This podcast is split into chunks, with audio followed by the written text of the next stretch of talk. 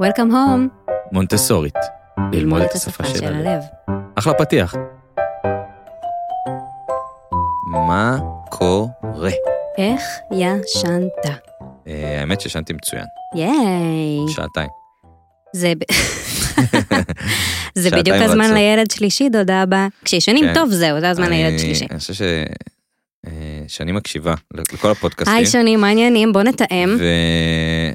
אני צריכה אתמול- חברות לחופשת לידה. ואתמול אתמול היה הפעם הראשונה ש- שראיתי איזושהי הסכמה, עשינו מקלחת לילדים, ואז היא הסתכלה כזה על הילד השלישי, שהוא היה בתוך האמבטיה, הסתכלה על הילדים ואמרה, "אתם- אה, הייתם רוצים שייכנס פה עוד Hmm. תינוק? ואסתכלתי עליה, אמרתי לה, באמת מוכנה? והיא אמרה, "לא, חכה רגע, חכה.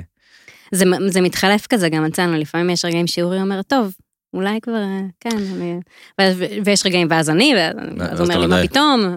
לא, כמו שהוא אומר, הוא ענה לי איזה סטורי שכתבתי, אה, הילדים היו כזה בריכוז, ושתיתי קפה, וכתבתי כזה, איך עושים עכשיו ילד שלישי? אז אורי ענה לי, שיהיה המון בהצלחה לך ולבן זוגך החדש.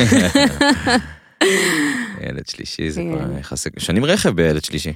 מה, למה? בילד רביעי, ילד שלישי אה, זה. ילד- מאיפה הוא ילד יושב? שלישי הוא יכול לרוץ אחרי האוטו, הוא הולך לגן עם שקית, הוא מגדל את? עצמו. נכון, אבל איפה הוא יושב? באמצע. איך? שתי בוסטרים וזה לא, מקום. אבל הילד הגדול, טוב, אצלכם יש צמודים. אצלנו, עד שאני אלד את השלישי, מקום, לילי- כבר תהיה בגיל שהיא כזה על בוסטר קטנטן כזה, ויש מקום.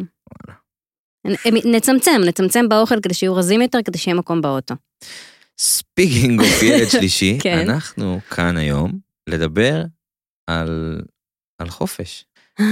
חופש. חופש.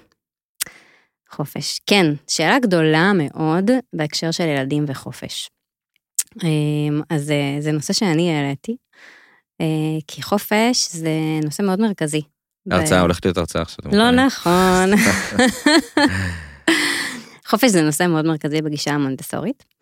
אמ, כולנו צריכים חופש, תסכים איתי. לא חופש ברמת התאילנד, מגלגל לי פה עיניים, אני לא, רואה אותו כבר עם השייק בננה, לא, אננס ביד. כן, זה מזכיר שמישהי פעם אחת סיפרה לי שהיא הלכה ולא הבינה למה לא הבינו אותה, שהיא ביקשה פרי-שייק. can I get please a pre-shake? לא הבינה למה, מה את רוצה? אין דבר כזה pre-shake. לא, אני, אני, אני אנסה, אני- תגידי לי אם אני צודק, כן. לא התכוננתי. אמ, חופש זה, זה המקום שלי, כאילו לה- להחליט את הדברים שלי על עצמי, כזה, חופש כזה. מהמם. חופש, אני, ב, ב, יש איזה משהו יפה כזה, הבחנה יפה ש, שאני רוצה לעשות בתור התחלה. מה ההבדל בין חופש או חירות לבין רישיון? אני החלטתי, החליטו בשבילי. יפה. אז חופש זה בעצם החופש לחיות כמו שאני רוצה, או, או איפה שאני רוצה. ורישיון זה בעצם האישור לעשות משהו. או החופש לעשות משהו שמישהו הגדיר לי שאני יכולה לעשות. ואני חושבת שהרבה פעמים עם ילדים, אנחנו לא שמים לב במודע לזה, שאנחנו נותנים להם רישיון במקום לתת להם חופש. תני דוגמה. לדוגמה, אמ, חופש, אם חופש זה לאפשר לי להיות, לחיות איך שאני רוצה, או להיות במקום שאני רוצה, אז בסביבה שאני נמצאת בה, כל עוד אני לא פוגעת במישהו אחר, אני חופשייה באופן מוחלט. נכון? מהמם. זה חופש. לילדים, בגלל שאנחנו יודעים שאנחנו צריכים לסייע להם להתפתח, והם עוד לא, אין להם עדיין את הכישורים אה, כדי לקבל אה, על עצמם החלטות באופן עצמאי לגמרי, אז אנחנו נותנים להם רשות לעשות כל מיני דברים. אנחנו במקום שנותן רשות, והם במקום שמקבל רישיון להתנהג בדרכים מסוימות עד לגבול מסוים. והגישה המונטסורית באה ואומרת משהו נורא יפה בעיניי, והיא אומרת שבסביבה מונטסורית אנחנו רוצים לתת לילדים חופש ולא רישיון. אנחנו רוצים לתת להם את הזכות לעשות ולהיות מבלי לקבל אישור ממישהו אחר.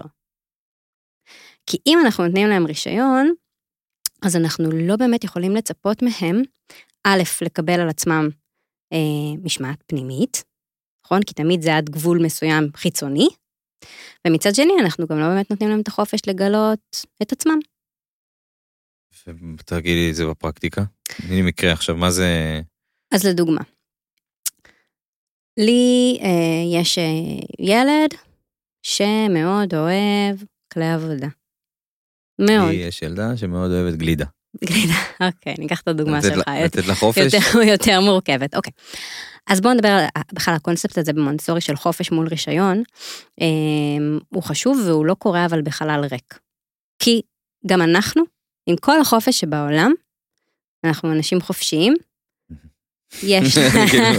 אתה צוחק לי, יש אשתי לנו, מחליטה עליי. אז הנה, אז אתה חופשי במסגרת הגבולות ששנים מציבה לי. ששני מציבה לך. אמ, אבל תסכים איתי שאם לכל דבר שאתה עושה אתה תצטרך לקבל ממנה רשות, אתה תתחרפן. נכון. וזה ההבדל שאני לא חושבת שאנחנו בהכרח מודעים או שמים עליו דגש מודע באיך שאנחנו מגדלים את הילדים. והשאיפה שלנו זה לזוז מרישיון לחופש. ואיך אנחנו עושים את זה? ובואו ניקח גלידה. גלידה, למה שלא תאכל גלידה כל היום? לא בריא. לא בריא, מעולה, היא צריכה לאכול אה, מגוון, אנחנו רוצים לשמור על הגדילה שלה, על השיניים שלה, אנחנו רוצים לשמר את, אצלה את הערך הזה של מזון מזין, שתלמד מערכת יחסים בריאה עם אוכל, יש כל מיני סיבות. למה אנחנו לא רוצים לתת לה לאכול גלידה כל היום? אז זה מקום שבו אנחנו לא יכולים לאפשר לה חופש מוחלט לטובת ההתפתחות שלה. מונטסורי דיברה על חופש בתוך גבולות. הגבולות האלה, יש להם שלוש מטרות, מטרה אחת, לשמור על הילד, מטרה שנייה, לשמור על האחרים בחיים שלו, ומטרה שלישית, לשמור על הסביבה שלו. אוקיי? כל עוד פעולה שילד עושה לא פוגעת באחד משלושת הדברים האלה, let the child be. תן לילד להיות. כשהיא אוכלת גלידה בלי, בלי סוף, האם אחד מה, מהכללים האלה נחצה? כן. מה? שהיא עצמה, היא פוגעת בעצמה, נכון? אז באופן פשוט, אנחנו צריכים למצוא דרך שבה אנחנו שמים אה, לה איזשהו חוק, איזשהו גבול, שמצד אחד מאפשר לה להתנהל בחופשיות מול הדבר הזה, לאכול גלידה בחופשיות, ומצד שני מגן על הערך הזה שבחרנו להגן, שזה הבריאות שלה. נגיד- נגיד, אתן לך עוד דוגמה, ילד אה, בים אוכל חולות. אוכל חול. לתת לו חופש? זה כבר גבול שכל הורה צריך להחליט לעצמו מה, מה מידת ה... ה אה, האם הוא רואה את זה כדבר מסוכן, האם הוא מפחד, האם זה משהו, יש הורים שיגידו כאן שיאכל חול זה יצא בקקי, שילמד אה, תוצאה טבעית לבד, האם החול טעים לו או לא טעים לו. יהיה הורה שיגיד אחרת, יגיד מה פתאום זה לא מקובל עליי, זה מסוכן, זה מזוהם, זה... כל הורה במקום שלו, אבל הוא צריך להחליט עם עצמו, כל משפחה צריכה להחליט עם עצמה, איפה החופש צריך להיות מוגבל לטובת אחד משלושת הכללים האלה. אז תני לי מקום שבו החופש הוא לוס, כזה, כמו שאת מתארת. זה בדיוק מה שאנחנו עושים בסביבה מונטסורית, בבית מונטסורי, במסגרת מונטסורית. וזה מצחיק, כי בגישה המונטסורית יש, כאילו מסתכלים עליה נראה לי משני כיוונים. מצד אחד אומרים, לך אחרי הילד, תעשה מה שהילד, אה, אה, שהילד יעשה מה שהוא רוצה, כאילו יש משהו שאומר, מה, אבל איפה, כאילו איפה הגבולות? איפה החוקים? איפה, איפה להכין אותו לחיים, לעולם? הרי, הרי בעולם הגדול יגידו לילד מה לעשות, הוא יצטרך להתאים את עצמו למסגרות. נכון?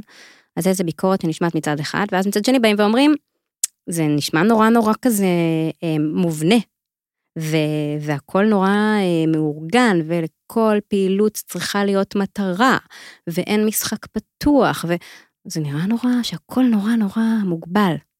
אז זה מצחיק, כי זה כאילו שתי ביקורות שיש על העולם המונטסורי עם שני כיוונים לגמרי קיצוניים, והאמת היא בדיוק באמצע. כי מונטסורי כן דיברה על חופש כמעט מוחלט, לא רישיון חופש, מהמם. בתוך גבולות שהם מאוד מאוד מאוד מוגדרים וברורים לילד. אוקיי?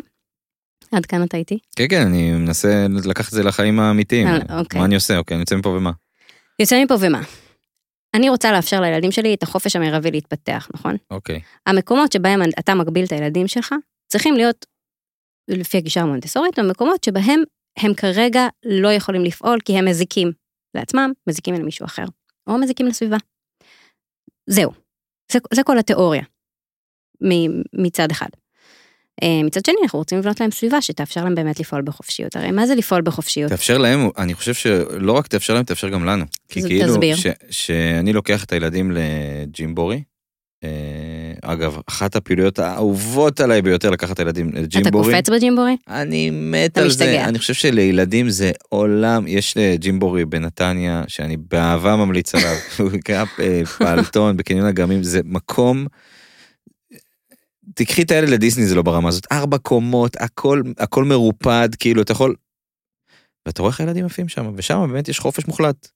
כי אין לך פחד, לא, כי למה? אין לך, כי הסביבה Mm, מותאמת, אבל אני אומר חופש מוחלט, זה לא בהכרח רק, כאילו זה, זה טוב לילד, אבל זה גם באותה מידה טוב להורה. כשאנחנו עושים עבודה בבית ו, ומגדרים תחום מסוים שאנחנו אומרים אוקיי זה, זה מגרש המשחקים של הילדים. פה הם יכולים לעשות, להיות באמת בחופש הזה שאת מתארת עליו, פה זה מתחבר לי. כשאני מכין להם איזושהי סביבה, אנחנו נמצאים במקום מסוים, זה משחרר אותי מהמקום הזה של תיזהר, תיזהר, לא, לא, לא, לא, לא, תיזהר, אל תיקח את זה, אל תיקח את זה. ואני אני בבית, מצד שני מוצא את עצמי, אתמול היה לי כאילו רגע, הם גם מזהים מתי אני במצוקה. מהמם. כשאני אני נכנס למצוקה, הם פתאום, אני לא פיפ, אז הם, הם, הם קוראים אותי. לא מה, לא את תסביר. מה היה. פשוט, כאילו הייתי לבד עם שניהם, שאני רגע היה לזה משהו של עבודה, והייתי כזה, לא, אל תעשה את זה, ואז מאיה לי רצה מצד שני, לוקחת את הארנק שלי, פף, מפזרת את הכל, הוא לוקח משהו, זורק אותו על הרצפה, והם נהנים, צוחקים כאילו ביניהם.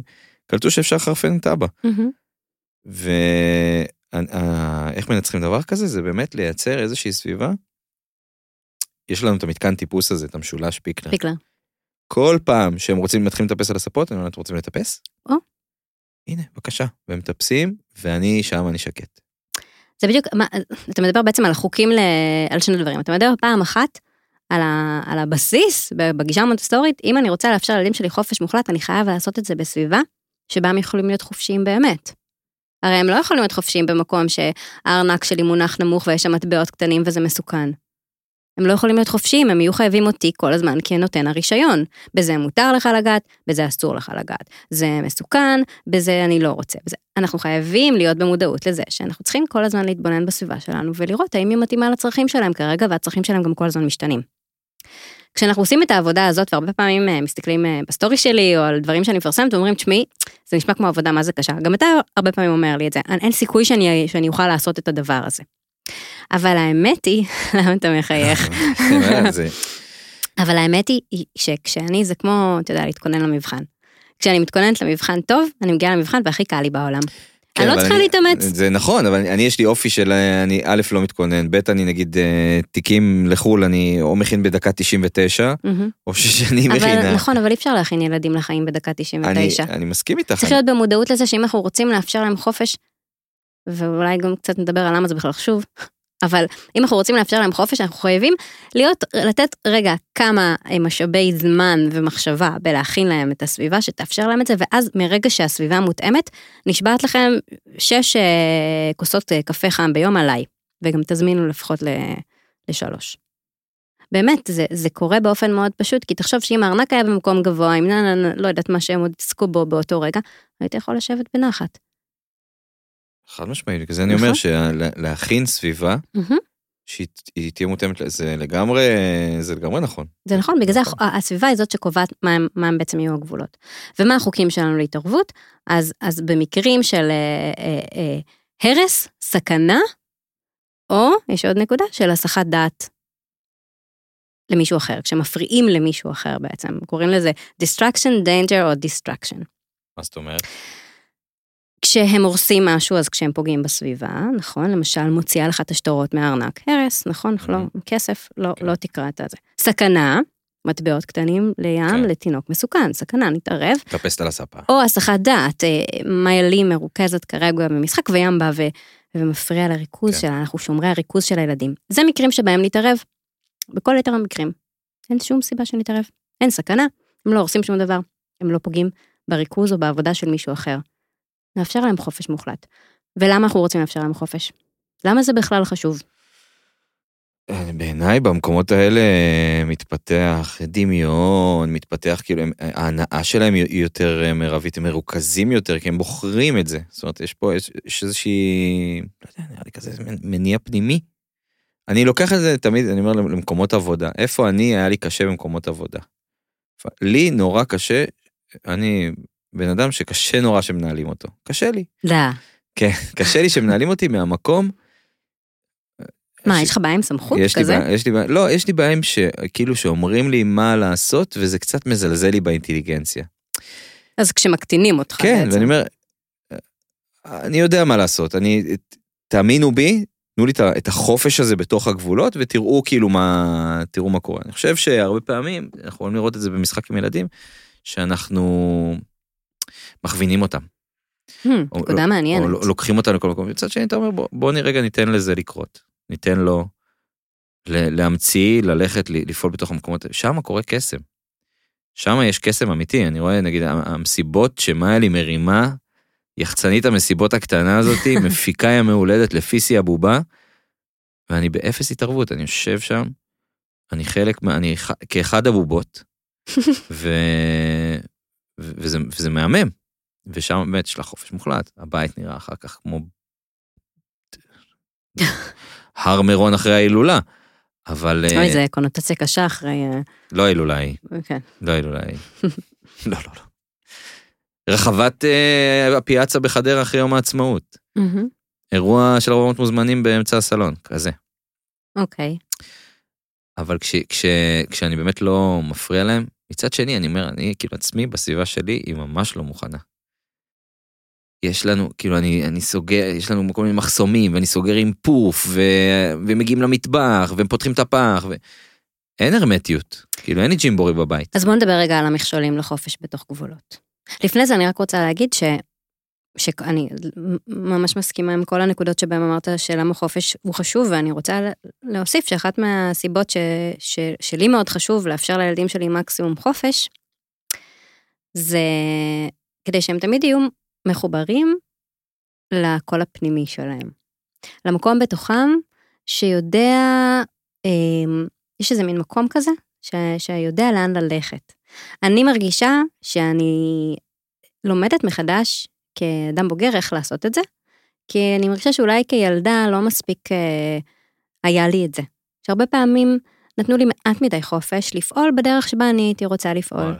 אם זה קורה במסגרות, אה, אז הרבה פעמים במסגרות יש כזה סדר יום מאוד מאוד מובנה, נכון? או נותנים חופש מסוים, בחירה מסוימת מתוך אה, סך מסוים של פעילויות, אבל, אבל לא, אין, אין חופש מוחלט. אז לדוגמה, בסביבה מונטסורית, יש, זה נקרא מעגל פעילות, יש פרק זמן, זה בדרך כלל כשלוש שעות. אה, פרק זמן שבו הילדים אה, חופשיים לגמרי לבחור את הפעילות שלהם עבור עצמם. אני חושב שזה גם קורה בגנים רגילים, כאילו, לא בגנים מונטסוריים כאלה... אני מקווה שכן, תראה, אני אני לא יודעת כמה, כל הפעילויות של. הגן פתוחות, ממש לא זמן משחק, אלא יכול להיות גם זמן עבודה, יש ילדים מה ש... שהם רוצים שיעשו. יש ילדים שיחתכו אה, סלט לארוחת בוקר, יש ילדים שיהיו באזור השפה, יש ילדים שיהיו באזור התנועה, יש ילדים שיהיו באזור היצירה, והם חופשיים גם לפעול, כי הסביבה מאפשרת להם גם לקחת הכל לבד, אז הם לא תלויים במבוגר כדי לעשות את זה. שזה עוד נושא שקשור לחופש, כי אם אני רוצה שהילדים שלי יהיו חופשיים, אבל אין להם את היכולת פיזית, התפקודית, לקחת לעצמם או לבחור לעצמם פעילות, אז אני בבעיה. כן. למשל, אם הדף הספרים גבוה, והבת שלי רוצה כרגע לבחור סיפור, אבל היא לא מגיעה לשם, אז יכול להיות שהיה משהו במדריך הפנימי שאמר, אוי, בא לי, אני רואה עכשיו את הספר הזה ובא לי לקרוא אותו, אבל יש לי מכשול טכני, אני לא מגיעה אליו, אז אני אאלץ לבחור זה תמיד- באפשרות זה- הבאה זה- בתור. זה חוזר לסביבה, שהסביבה תהיה נכון. מותאמת ו... ו- נכון, אז, אז אני הרגשתי הרבה פעמים בחיים שנתנו לי חופש במידה, חופש מוגבל. וואלה. זה סוג של רישיון, להגיד, את יכולה עכשיו לבחור אם לשחק בתיבה של הלגו או בתיבה של המגנטים, אבל את לא יכולה לבחור את כל היתר. הרגשתי שהרבה פעמים הדגש היה על הלא. ואז החיבור לקול הפנימי, למדריך הפנימי, הוא עם הזמן נשחק במידה. ואז בבית ספר זה בכלל נורא נורא מתעצם, כי אומרים לנו במה להתעניין לפרקי זמן מאוד מוגדרים, ולא לפי תחומי העניין שלנו. אני מקווה שזה משתפר. אבל אני כילדה גדלתי בעולם שבו הייתי צריכה להתעניין 45 דקות בחשבון, ואז 45 דקות בעברית, ואז 45 ואשכרה דקות במדעי... והייתי יושבת כן. והייתי ילדה נורא לא, נורא צייתנית. אני הפוך לחלוטין מזה. לא, לא, זה, אבל הנה, אז, אז אנחנו שתי קצוות של דוגמה לאיפה לא היינו בחופש, כי לך חיבו את סקרנות הלמידה הטבעית שיש בך, שהייתה בך, על ידי זה שאמרו לך להתעניין בדברים שאתה לא רוצה, ואני פשוט בבית צייתתי. ספר, אבל נגיד בבית, היה לנו חופש מוחלט. אז הנה, אז, אז מדהים, היה לך איזון. הרבה פעמים המסגרות האלה הן מנתקות לנו את החיבור לחופש, למדריך הפנימי, כשהחופש נלקח מאיתנו. וזה זה משהו במונסטורי ששומרים עליו כל הזמן. שהילד תמיד ידע להיות במקום שהוא בוחר מה שנכון לו, וגם כשאני פועלת דרך תחומי העניין שלי, דרך מה שאני מרגישה שמתחבר לי מבפנים, אז אני אשקיע שם מאמץ מרבי, אז אני אתן את כולי, אז אני אתפתח עד, עד למקסימום שלי, שזאת השאיפה שלנו, אצל הילדים. וכן, אתה צודק שזה מתחיל ונגמר בסביבה, אז יש לנו מכשולים. כל מיני מכשולים לעשות את זה, ואני חושבת שאתה מרגיש את זה. אז המכשול הראשון שאתה אומר זה, הסביבה שלי הביתית היא לא מספיק מותאמת, היא לא מספיק מונגשת. מה, מה אני צריך לעשות? אני צריך דבר ראשון לעשות בסדר. סדר במובן של, של ה... איזה נשימה. כן, יש לנו, קודם כל יש לנו כמות צעצועים לאיזה 500-600 גנים. Mm, וואו. כן, ו, ובאמת ואיך אתה מרגיש עם זה? מעניין. פיתחתי אסטרטגיה. דבר עליי. פשוט, אני אומר, אם יש לך הרבה צעצועים, תביא מלא קופסאות. מלא, וזה בשנייה אחת הכל מסודר. מישהו המציא, ראיתי אה, פטנט כזה גאוני, שהוא הוא לקח פוף עם ריצ'ראץ', שאתה פשוט מכניס לתוכו הכל, ואז הופך להיות פוף שיושבים עליו, Mm, ויש בתוכו את כל זה. אה, אנחנו צריכים לנקות 80 אחוז מהדברים, אבל גם ברמת, אתה יודע, אתם, א', הם לומדים, יש לנו מחסום, הם לומדים איך לפתוח אותו. מהמם. ברמת יש- הבטיחות. כן, מגדל למידה הם פתאום מטפסים, מטפסים על הכיור. כאילו אתה, כן. אז, אז דבר ראשון, אני נינג'ות. לוקחת אותך לראשון, זה סדר. כדי שהסביבה תאפשר חופש בתוך גבולות, אנחנו צריכים שיהיה בה סדר. סדר גם במובן של לא יהיה over גירויים, לא יהיה over משחקים, לא יהיה... שזה יהיה במידה, ומצד שני, אה, סדר במובן שילדים יודעים איפה נמצא מה. הם יודעים, הם שולטים, הם רוצים to master the environment. וואי, אני לא יודע איפה נמצא מה. אז, אז כן, אז סדר, אבל, וגם דיברנו על זה, אני חושבת, אין פרק שלא הזכרנו את זה, סדר זה אחד מהצרכים הבסיסיים של ילדים. והדבר כן? השני, כן, מה, את טוענת, זו שאלה, כאילו אני אומר, גם נגיד שאני מדברת על זה הרבה, שקצת מאשימה את אימא שלי. למה? כאילו, אני לא, כי אני בן אדם מאוד לא מסודר. אוקיי. אני כאילו, גם במהות, אני חייב שיהיה לי גם משרד, או כל מקום שיהיה לי מגירת בלאגן. מגירה כזאת שאתה כזה מגלח את הכל אליה, גם לי יש כזאת. ואני שואל את עצמי, נכון עד? כמה, אם אורי, אם אתה מאזין. עד כמה בחינוך, אם נגיד, אם מקפידים איתי על משהו, באמת היה הופך אותי לאדם מסודר. אז אני, אני, אז זה מדהים, כי אתה אומר, נגיד, אורי אומר לי הרבה, לפני כמה ימים הוא אמר לי, אתה יודעת, הקטע הזה של לסדר את המיטה כל בוקר, אני חושב שאם אימא שלי הייתה מבקשת ממני, או, או עושה איתי את זה ביחד, ממני, זה לא אז, זה. אז היה לי, אז הוא אומר, אז אני חושבת שזה היה לי ממש מגניב. אה, הוא גם לא מסדר את המיטה? הוא מסדר את המיטה עכשיו. ממש כבר תקופה ארוכה והוא ממש נהנה מזה. דרך אגב, יש מחקרים שאומרים שחשוב לסדר את המיטה בבוקר, כי אתה מתחיל. את היום עם הישג אחד. כן. אמ, אז אורי באמת אה, עושה את זה. אבל, אז כן, אז, אז דבר ראשון סדר. והדבר שני זה חוקים ברורים. אבל ענית לי על השאלה. מה, מה הייתה השאלה? שאם אתה יוצר סדר ל- לילדים שלך, מהמם. זה בהכרח ישפיע על... יש מחקר כזה? חייב לבדוק. ישפיע על מה? תשים את על השאלה. זה שהם יהיו מסודרים בעתיד. כן. כן? כן, זה, לא, בוא נתחיל מזה רגע, קודם לפני שאנחנו רואים על ההשפעה, ההשפעה רק לעניין הסדר. ילדים שהם, דרך אגב, גם יש להם נטייה אנושית לסדר וגם יש להם תקופת רגישות לסדר. אני אחקור את זה. לחקור את זה, הם, אה, אה, מנ- הסדר הזה הם לוקחים אותו פנימה. כשהסביבה מסודרת, הם מסוגלים לעשות לעצמם סדר בראש וקטלוג בראש של כל מה שקורה בחיים שלהם. הם לוקחים את הרגלי הסדר האלה הלאה לכל דבר שהם עושים בחיים שלהם. אם זה סדר בחשיבה שלי, שגם העזרים המונטסורים עובדים על זה. אם זה סדר בצורה שבה אני מתנהל בעולם. אה, אם זה סדר רגשי. סדר בכל הרמות. אני מתחבר לזה כי במקום שהרבה פעמים, זה כל פעם בשבוע כזה שיש לי ברדק בראש, ואני לא יודע מי נגד מי, מה אתה עושה? מסדר. נכון. ישר, קוקו ניקיונות, אקונומיקה, ריח כזה, מריח את האקונומיקה, התחיל להרביץ ניקיון, ואז, ואז דברים מתחילים להסתדר. איך אין כזה בסטורי? מה ריח? לא, קוקו ניקיונות? לא, אני אף פעם לא ראיתי תיעוד של הזה, אני מתה לראות. כדי, שאני- כדי להראות לאורי כדי שיעשה גם. כן, לא, קורה, לעיתים נדירות, אבל באמת, אה, כשאני מסדר, אז מסתדרים לי דברים. נכון, זה- כי סדר מתחבר. חיצוני יוצר סדר פנימי. ואז אנחנו מדברים על חוקים, כי אתה אומר, אוקיי, אז יש סדר, הסביבה היא מונגשת להם, מאפשרת להם חופש, אבל אז היא לוקחת את המגדל המידה ומטפסת על השיש. אז אחד מהמכשולים לחופש בתוך גבולות זה זה שאנחנו לא, לא עומדים על החוקים, או לא עומדים על הגבולות, או לא קובעים אותם, או קובעים פחות מדי, או קובעים יותר מדי. אז אם אה, יש מגדל המידה כדי שהם יוכלו לקחת חלק בפעילות של המטבח, נפלא. ברגע שהמגדל הופך להיות מתקן. טיפוס, לא הייתי מוציאה את המגדל. הייתי עומדת על זה שאני זאת כן, שקובעת אז- את הגבולות. נכון, אבל ילדים, את יודעת, את אומרת את זה, וגם ילדים תמיד יבחנו גבולות. היא תמשיך לבחון את זה. מצוין, אז כל פעם שהיא תלך למגדל על המידה ותטפס עליו, מה שאני אעשה זה אני אזכיר לה, מה לי? על המגדל, אנחנו יכולים לעמוד ולבשל ביחד, או להעביר מים, אם את רוצה לטפס, לא מצוין. עכשיו, מחר תעלה עוד פעם, אבל מחרתיים אנחנו, לא בחופשה, אנחנו במלאכת גידול ילדים. אז כשהם נכון יפרו את החוקים, אז שנייה, כשהם יפרו את החוקים אנחנו נזכיר להם אותם. מאיירי וים, שניהם, מתחת לגיל שלוש. ילדים מתחת לגיל שלוש או שלוש וחצי, הם בשלב שלא נצפה מהם שיהיה להם משמעת פנימית עדיין. לא נצפה מהם, אי אפשר לצפות מהם לזה. הם בשלב שבו הם מונעים על ידי דחפים בריאים שנועדו לאפשר להם לשגע את להתפתח. ההורה. ולשגע את ההורה. נבין את זה, לא נצפה מהם להיות אלה שיגידו, "אמ, מגדל, לא, אסור לי, אני רק יכול לעמוד. אנחנו נצטרך להיות אלה שמזכירים להם את החוקים, כי זה נוגד את ההורמה, מונטסורי קרא לזה, את הדחף שלהם להתפתח. אז דבר ראשון, נבין את זה. זה פעם ראשונה. פעם שנייה, האם אנחנו לוקחים את הדבר הזה? אז אנחנו צריכים, את המגדל, מוציאים אותו, אנחנו צריכים להסתכל על הסביבה שלנו ולהחליט מה נותן לי יותר תועלת ומה גורע ממני משהו.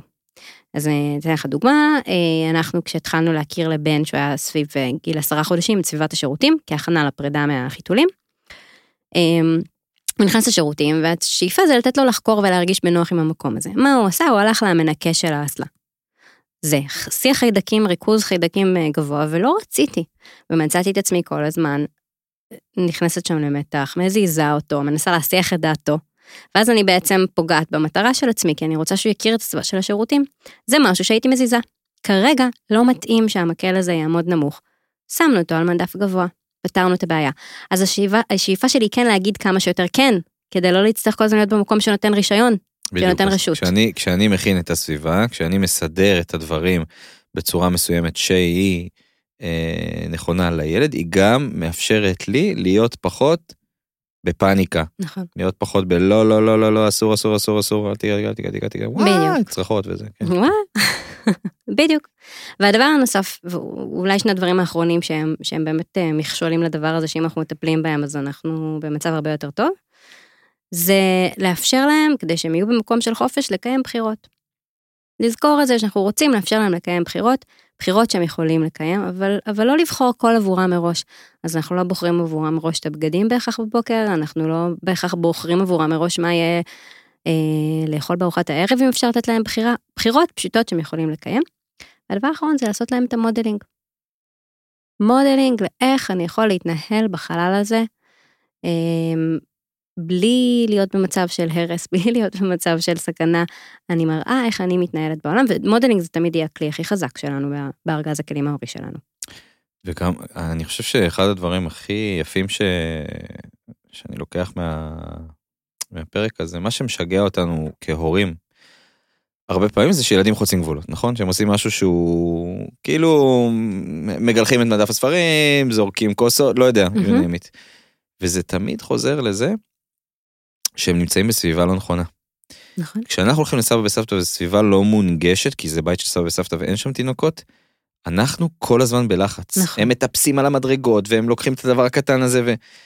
וזה מזכיר לנו תמיד, בואו נשים אותם בסביבה נכונה. מצד אחד, כמו שאת אומרת, סביבה כזאת שאנחנו מכינים. מצד שני, מספיק קצת להיות בטטות גורסה. כאילו בואו נצא איתם, בואו נצא איתם לג'ימבורי, בואו נצא איתם ל... לים, לאזור שהוא, שמאפשר לנו את אותו חופש שאת מדברת אליו. בואו נצא איתם ליער, לאותו...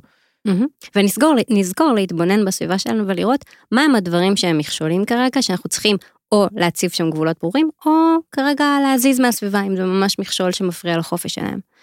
ו- ולחשוב עם עצמנו, ככה להיות במודעות לאיפה אנחנו באמת נותנים חופש, ואיפה אנחנו כל הזמן אלה שצריכים לתת רשות.